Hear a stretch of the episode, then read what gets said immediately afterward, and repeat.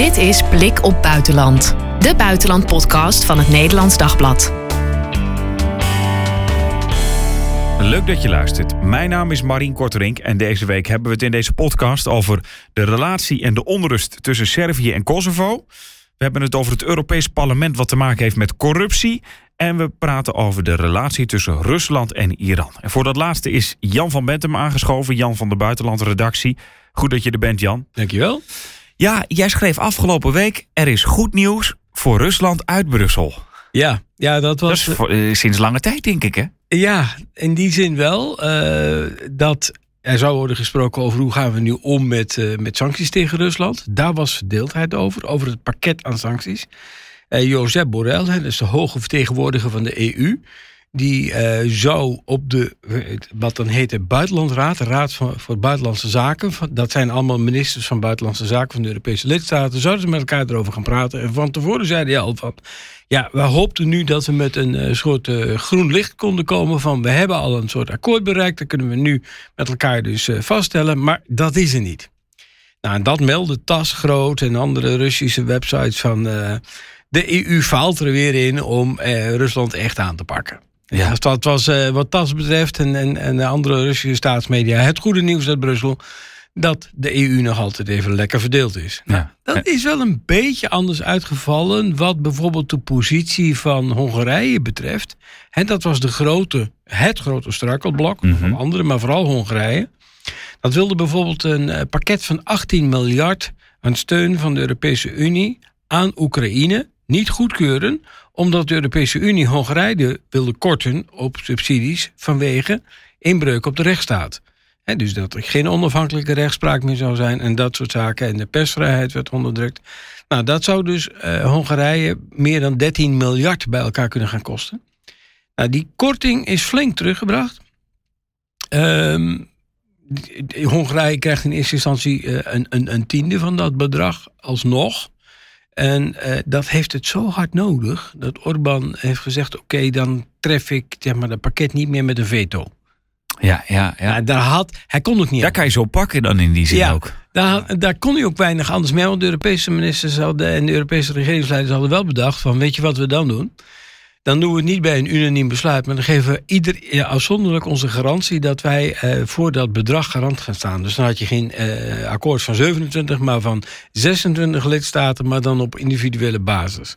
Ja, dat, dat was al een mooie poging om die blokkade te omzeilen. Dus ja, TAS was een beetje te, te optimistisch ergens. Maar aan de andere kant, die verdeeldheid is er nog wel. Ja, want, want ergens uh, he, he, heeft Hongarije het zo zwaar dat ze dan uiteindelijk misschien wel akkoord gaan. Ja. Of dat nou Niet de beste. Nee, en of dat nou fair is, zeg maar. Want dan, dan zul je altijd hebben dat arme landen, zeg maar, uiteindelijk overstag gaan omdat ze anders geen geld meer krijgen. Ja, dat, dat voelt ook een beetje dubbel. Het voelt dubbel. En uh, er zijn op andere niveaus nog wel degelijk ook verschillen over hoe moet je nu met Rusland blijven omgaan. En dat uh, de Europese Unie Oekraïne wil steunen met geld om zeg maar, de, de, de, gewoon überhaupt het overheidsapparaat en dergelijke overeind te houden. Gaat dan uh, met, met anderhalf miljard per maand, elke maand een, bepaald bedrag. Amerika doet eenzelfde soort bedrag. Op die manier heeft Oekraïne het minimum, krijgt het ongeveer binnen wat het nodig heeft om, om, om stomweg te blijven bestaan als regering. En, en, en om cruciale diensten te kunnen blijven betalen. Denk aan ziekenhuizen en dat soort dingen. Um, maar ja, hoe verder? Dat is dus uh, echt de grote vraag. Dat is behalve dit soort zaken en, en uh, bepaalde sanctiepakketten wat onduidelijk. Veel ja. duidelijker is de Europese Unie bijvoorbeeld over Iran. Ja, want jij hebt daar deze week nog over geschreven... dat die, dat die banden tussen Rusland en Iran inniger zijn geworden eigenlijk. Ja, dat zegt de Amerikaanse regering. Die zegt, er zitten nu zo ongeveer... kun je wel omschrijven als een uh, volledig militair partnerschap. Ja, is het ook echt zo? Rusland, dat vind ik heftig. Ja, dat, nou ja, Rusland en Iran werken al veel langer samen. Rusland heeft bijvoorbeeld uh, meegewerkt aan de nucleaire centrale bij Bushehr.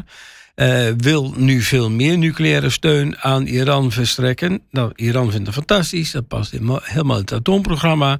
Daarover maakt het internationale atoomagentschap zich grote zorgen. Daarover maakt het Westen zich grote zorgen. De onderhandelingen over het zogenaamde nucleaire akkoord... die zijn compleet vastgelopen. En je kunt ook niet met goed fatsoen meer met die lui gaan onderhandelen, die mullahs... terwijl ze de ene en de andere demonstrant uh, aan het ophangen zijn op dit moment. Hey, je krijgt dus zo'n rare spagaat. dat maak je niet meer mee. Nou, met dat land doet Rusland zonder enig probleem zaken. Ja. Ehm, eh, heeft daar ook eh, naar zeggen eh, duizenden drones besteld. Iran ontkent eh, in alle toonaarden. Maar er zou een fabriek worden gebouwd in Rusland die ook die drones kan fabriceren. Met blauwdrukken uit Iran en alles. Er zijn Russische experts naar Iran gegaan en andersom.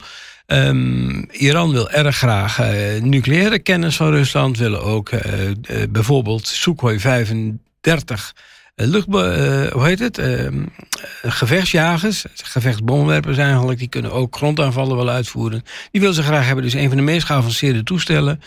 Ehm, en, en Iran heeft raketsteden. Dat, dat hebben ze diverse keren laten zien, vanaf 2016 al. Dan openen ze weer ergens een ondergrondse basis. Met allerlei gangen in een bunkers. In een berg verstopt. Die staan vol met ballistische raketten en drones en dergelijke. Daar, daar hebben ze er duizenden van gebouwd. En Rusland zit daar ook wel naar te kijken van... Nou, dat zou een interessante aanvulling kunnen zijn... van het arsenaal wat we inmiddels verschoten hebben. Ja. Maar wie heeft er nou het meest baat bij zo'n samenwerking? Beide.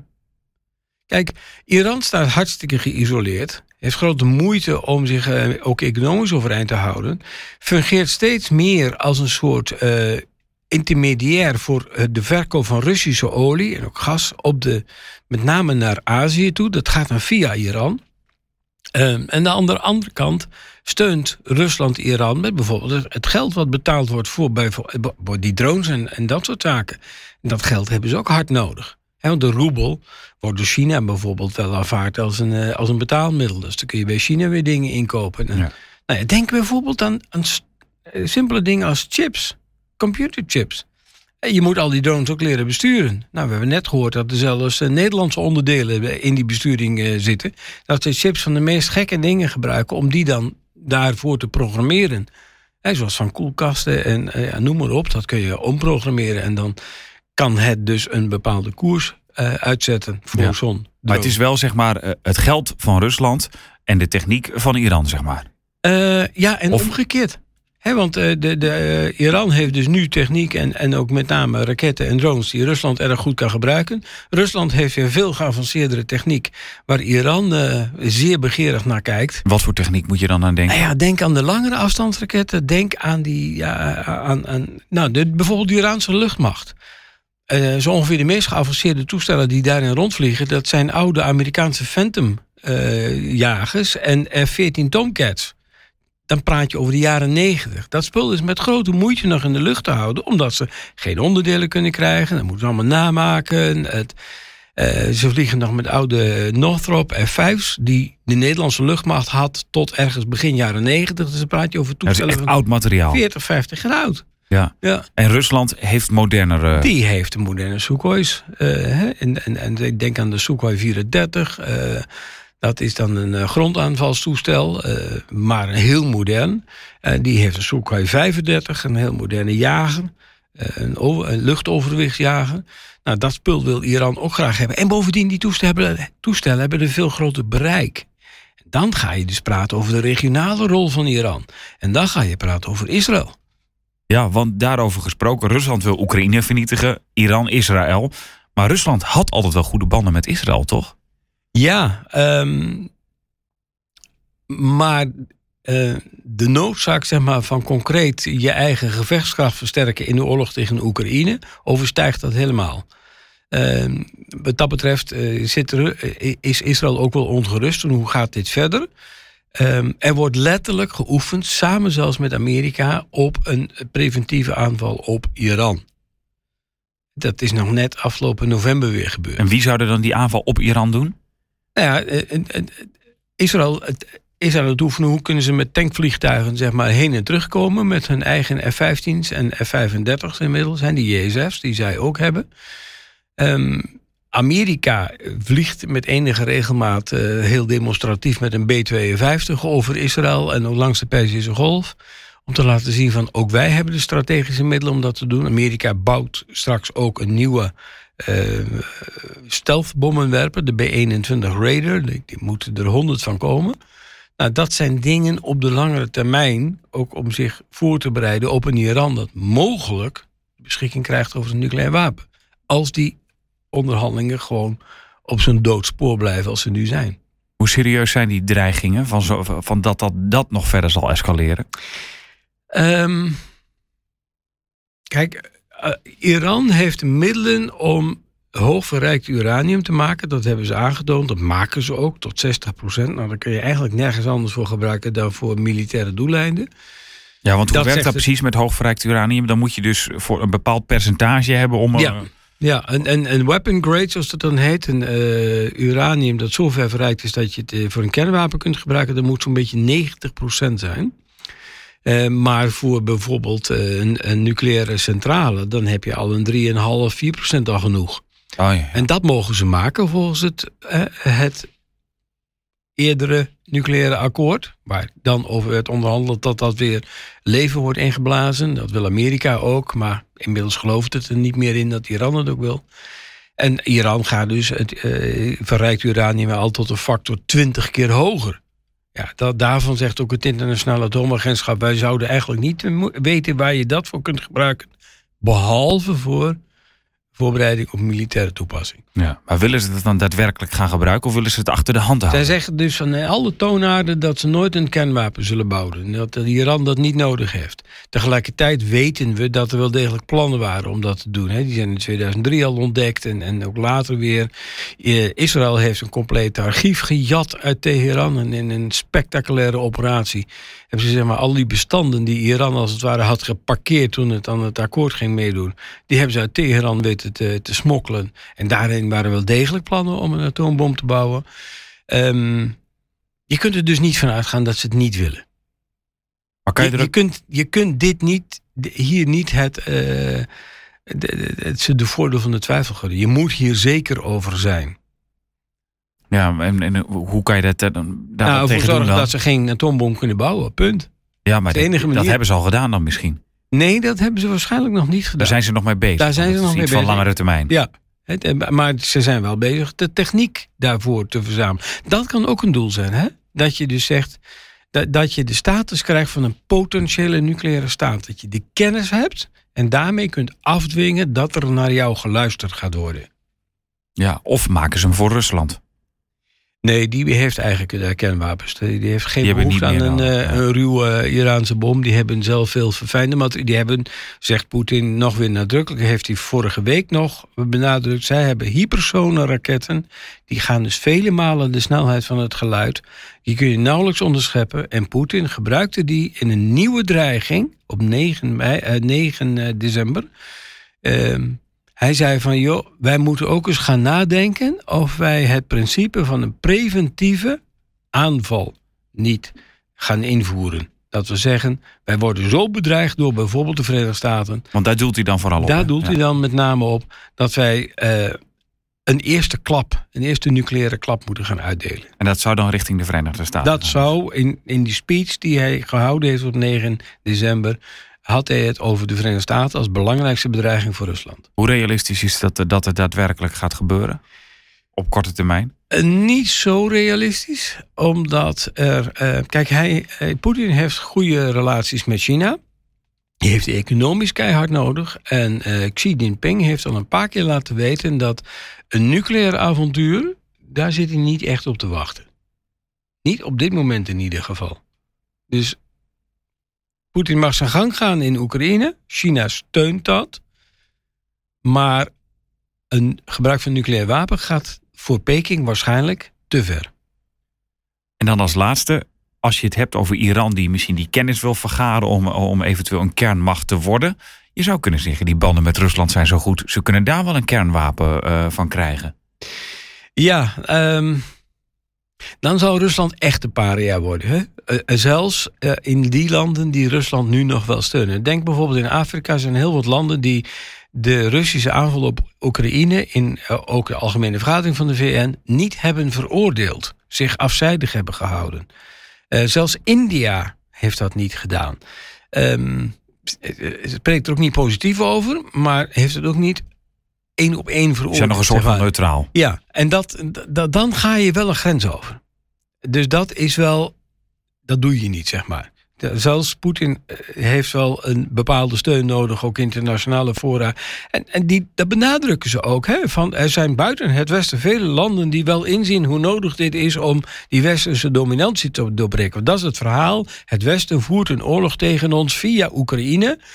Uh, en er verscheen begin deze week nog een verhaal in RIA Novosti, dat is een Russische staatskrant, van de NAVO heeft een plan opgesteld voor een totale oorlog tegen Rusland. Dus daar moeten wij ook ons op voorbereiden. Nou, dat soort schema's wordt ook de Russische burgers voortdurend voorgehouden. En het opmerkelijk is, en dat zullen Nederlandse, uh, Nederlanders verwachten, dat denk ik niet. Maar dat uh, de steun voor het verder doorgaan met de oorlog is toegenomen in Rusland. Hoe betrouwbaar is dat? Dat zijn uh, peilingen die worden uitgevoerd uh, in het geheim, ook door de Russische uh, regering zelf. Daar heeft bijvoorbeeld Medusa, dat is een dissidente nieuwssite, de hand op weten te leggen. Um, die schatten dat dus redelijk betrouwbaar in, met een foutmarge van zo'n 3%. Maar meer dan 60% van de Russen die werden ondervraagd, vonden dat de oorlog moet worden doorgevoerd, omdat anders Rusland nu als verliezer uit de bus zou komen. En dat willen ze niet. Er is wel een grotere groep, en vooral onder jongere Russen, die vinden dat die aanvallen op Oekraïne niet goed was, geen goed besluit was. Maar er is een nog veel grotere groep die zegt van ja, maar nu stoppen, dat kan niet meer. Ja, dus misschien was het die, wel slecht om te beginnen, maar ja, als je dan eenmaal aan het begonnen bent, dan moet je niet als moet, verliezer eruit. Dan moet je niet als uh, de, de verliezer stoppen. Dus moet, uh, moet het Westen of Europa uh, eigenlijk zorgen dat er een soort oplossing komt, dat Rusland zich winnaar voelt. Ja, maar is dat moreel nog te doen? Als je ziet dat Oekraïne in puin ja, is geschoten. Hè? Want, uh, ik schreef bijvoorbeeld in een commentaar waar je op doelde eerder in gesprek... Uh, dat Rusland en Iran als het ware partners in het kwaad zijn geworden. Poetin heeft duizenden Oekraïners gedood. En ook eigenlijk duizenden van zijn eigen soldaten opgeofferd. Iran straft mensen voor het in de fik steken van een prullenbak op de straat met, met de dood door ophanging. Omdat men aan de macht wil blijven. En dat verbindt ze. Ze zijn niet alleen partners in het kwaad, maar ook partners in die zin van wij willen die absolute macht behouden. Ten koste van desnoods alles. Hè? Kijk hoe Iran er aan toe is, economisch gezien. Dat volk gaat niet voor niks voortdurend de straat op. Die zijn wanhopig. Het is arm, je hebt geen perspectief meer. Er zijn een miljoen Russen. De schattingen zijn dat het meer dan een miljoen zijn zelfs. Uh, Rusland ontvlucht om de dienstplicht te ontlopen. Hè, om, om, om niet uitgezonden te worden om te gaan vechten tegen Oekraïne. Maar ook omdat ze het volstrekt oneens zijn met dit regime. Wat dat betreft interessante tijden die eraan komen ook nog. Ja, nou ja, wat ik wel eens op schat uh, zit te wachten... En, en, en eigenlijk wat weinig zie is... dat er vanuit westerse regeringen veel actiever wordt gesproken... met die Russen die zijn gevlucht.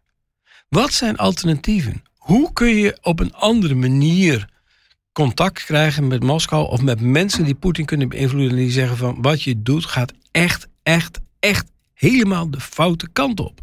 Want dit wordt een langdurige oorlog op deze manier die geen van beide partijen op dit moment kan winnen en geen van beide partijen moreel gezien naar eigen overtuiging kan opgeven. Ook Zelensky kan nu niet zeggen van, nou ja, we hebben nu lang genoeg gevochten. Sorry jongens, we krijgen de Donbass en Lugansk en uh, en Gerson niet meer terug. Maar we moeten nu toch wel de vrede, en ook de Krim niet, dat niet te vergeten. Uh, maar we moeten dan nu toch maar de vrede zoeken. Dat, dat, dat gaat niet meer na zoveel verwoesting dan wat je allemaal hebt gedaan. Rusland moet weg uit Oekraïne, is, is de stellige overtuiging van de regering, maar ook van Oekraïne zelf. Rusland aan de andere kant. Hoe kun je nu zeggen van ja, ja, ja, we hebben ons doel niet echt bereikt, maar om de lieve vrede willen moeten we nu maar stoppen. Dan zat je er dus als de grote leider. Poetin is Rusland. Zat je er dus naast. Dat kan niet. Dus we zitten in een, in een uh, verschrikkelijke impasse in die zin. Ja. Want we zitten in een oorlog, in een impasse. Dus we kunnen niet stoppen met die oorlog. Beide partijen denken zo. Op dit moment. Ja, en uh, de enige manier zeg maar, dat het Westen iets kan doen... is dat je die ene partij die vecht voor zijn voortbestaan, Oekraïne... dat je die steunt. Maar we moeten niet de illusie hebben dat dat binnen een maand of twee afgelopen is. We blijven het volgen, dankjewel Jan. En nu aangeschoven, Ruud Ubos, ook van de buitenlandredactie. Goed dat je er bent, Ruud. Dag Marien. Uh, ja, op de Balkan zijn de spanningen tussen Kosovo en Servië hoog opgelopen. Beide partijen vragen nu de NAVO om hulp. Uh, even bij het begin beginnen. Waar komt dit vandaan? Ja, het is natuurlijk eigenlijk al het conflict sinds uh, de jaren negentig. De, de Joegoslavië-oorlog. Toen viel dat land uit elkaar. En, en nou, Bosnië kennen we allemaal. Servië, Kroatië, al die landen. En ehm, ja, tussen, tussen Servië en, en Kosovo is het ook na de vrede is het nooit goed gekomen. Uh, en dat komt omdat uh, Kosovo was een onderdeel van Servië. Decennia lang. En de Kosovariërs hebben zich in 2008 onafhankelijk verklaard. Ja, daarvoor heeft Servië, daar heeft Servië zich eigenlijk nooit bij neer willen leggen. Uh, en in Kosovo woont een, wonen Serviërs, etnische Serviërs. Ja, en die, die, ja, om dat te zeggen, of die stoken, maar in ieder geval, telkens worden relletjes, ruzies aangegrepen om de zaak weer op te blazen. En dat is afgelopen weekend uh, ook gebeurd. Zelfs met schietpartijen over en weer uh, tot gevolg. Dus het was wel weer heftiger dan een relletje of een, nou ja, een uitgebrande auto of zoiets. Ja, want jij zegt eigenlijk van het is nooit goed gekomen, zeg maar. Uh, maar, maar het was toch relatief rustig uh, vanaf 2000. Ja, ik bedoel wel af en toe dat het ja. even weer wel, wat ja. een conflict was of een ruzietje of ja. een relletje. Ja, dat maar klopt. relatief rustig. Uh, het is relatief rustig. al helemaal natuurlijk als het vergelijken met de Joegoslavië-oorlog. Ja, het is onvergelijkbaar. Uh, vanaf 2013 zijn er vredesonderhandelingen, of in ieder geval gesprekken van kunnen we nou niet tot een vergelijk komen. Die vinden plaats onder toezicht van de Europese Unie. En waar gaat het dan over? Um, nou, het gaat bijvoorbeeld over rechten van Serviërs in Noord-Kosovo. Uh, waar dus die, die, die waar dus Serviërs, ook, daar zit een groot gedeelte zit in het noorden. Ja, ja, het zijn overigens maar heel weinig Serviërs over, over de bevolking. Het is nog geen 2 miljoen mensen wonen in Kosovo. En 95% is, uh, is, is, moslim, is, komt uit Albanië of is Albanees, etnisch Albanees. En die andere paar procenten, dat is voor het grootste deel is dat Serviërs. Dus het is maar een heel klein deel. Alleen ze worden heel, sterf, heel stevig gesteund door de regering in Servië zelf. Dus net over de grens. Ja, die zeggen natuurlijk, ja, het zijn onze mensen. En, uh, en afgelopen weekend ook, dan vinden ze dat de NAVO-troepen die er zijn, uh, uh, KFOR, Kosovo Force, dat die dan te weinig doen. En dan zegt de Servische president meteen, ja, wij willen eigenlijk troepen sturen naar Kosovo om onze mensen te beschermen. wilt u ons dat toestaan? Ja, de NAVO heeft ook geen gaatje in hun hoofd. Dus die zeggen dan, ja, dat geeft natuurlijk meer ellende dan ja. dat het wat oplevert. Maar in, dat zijn de spanningen zo over en weer. Ja, want het is opmerkelijk dat ze dan allebei zeggen, de NAVO moet ons komen helpen. Want, want nou, Servië is eigenlijk, de, de, de, de originele Serviërs zeg maar, moeten beschermd worden in, in Kosovo. En wat zegt Kosovo dan? Die Wij zeggen, worden aangevallen ja, bedreigd door de Serven. Ja, ja, en die zeggen ook tegen KFOR, tegen de NAVO-troepen, van doe er eens wat aan. Ja. Uh, nou ja, je, je zou het positief kunnen zien, is dat ze allebei een beroep doen op de NAVO. Op, in plaats van het zelf uitvechten. In plaats van het zelf uitvechten. Dus nou, ik, ik, ik ben dan maar even positief ingesteld. Dus dan zie ik het ook maar positief. Um, we hebben relletjes wel eens gehad. Uh, nu lijkt het een iets grotere rel. Of inderdaad, het, uh, verwacht je dat het nog erger wordt? Of, of is, het dan nu wel weer weg? Het, lijkt nu wat weg te ebben. En dat heeft er ook mee te maken. Komende zondag zouden er verkiezingen zijn in Noord-Kosovo. Dus zeg maar in het Servische deel. De, en dat was ook de aanleiding voor deze ongeregeldheden. Want er was een, een, een politieagent die is opgepakt. Uh, die zou mensen die op die bureaus gaan zitten, zou die hebben lastiggevallen. En die zou andere politieagenten hebben lastiggevallen, et cetera. En toen zeiden de Serviërs, ja, maar je, moet, je blijft van onze agenten af. Want het was een etnische Serviër. En, en nu heeft de president van Kosovo gezegd, nou weet je wat, uh, even rust in de tent. We laten de verkiezingen van komende zondag, de 18e, niet doorgaan. We verplaatsen ze naar maart. Nou, dan ben je drie maanden verder in de hoop dat dat de spanning eraf haalt, dat het de, de, de, de, de prikkel wegneemt. En, en dat lijkt nu wel succes te hebben, want het is nu deze week toch weer iets rustiger geworden.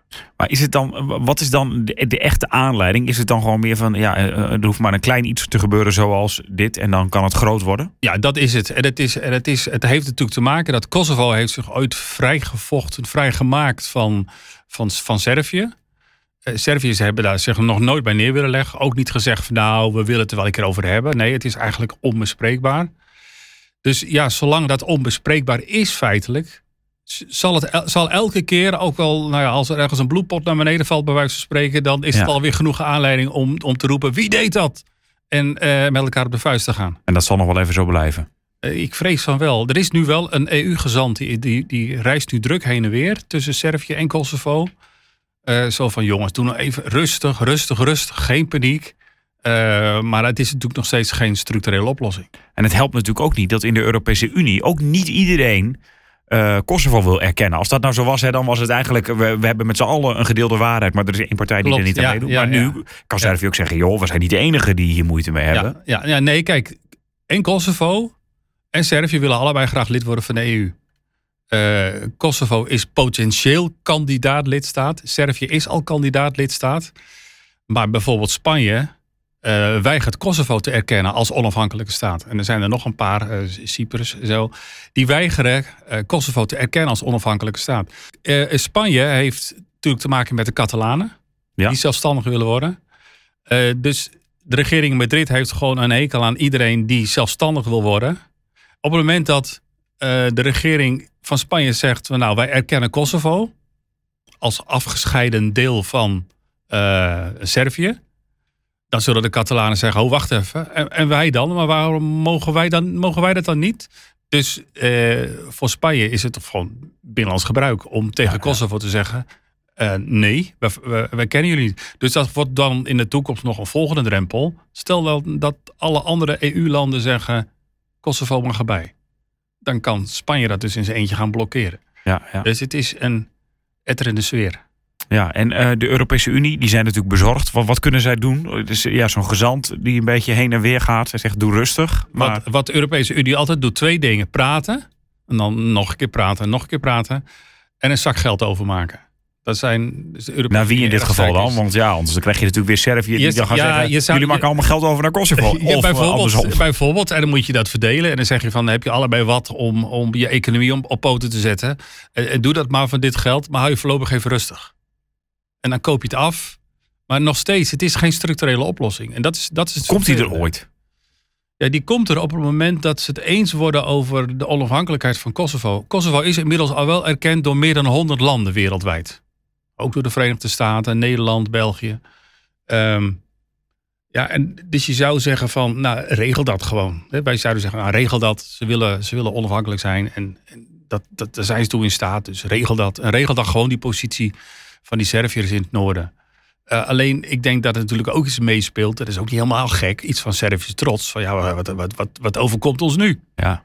Dat gaan we niet zomaar. Ja, Het is even weer rustig. En eh, in maart verder kijken, denk ik dan, hè? in maart verder kijken bij de verkiezingen dan. Ja, ja dat, wordt, dat wordt dan wel weer spannend natuurlijk.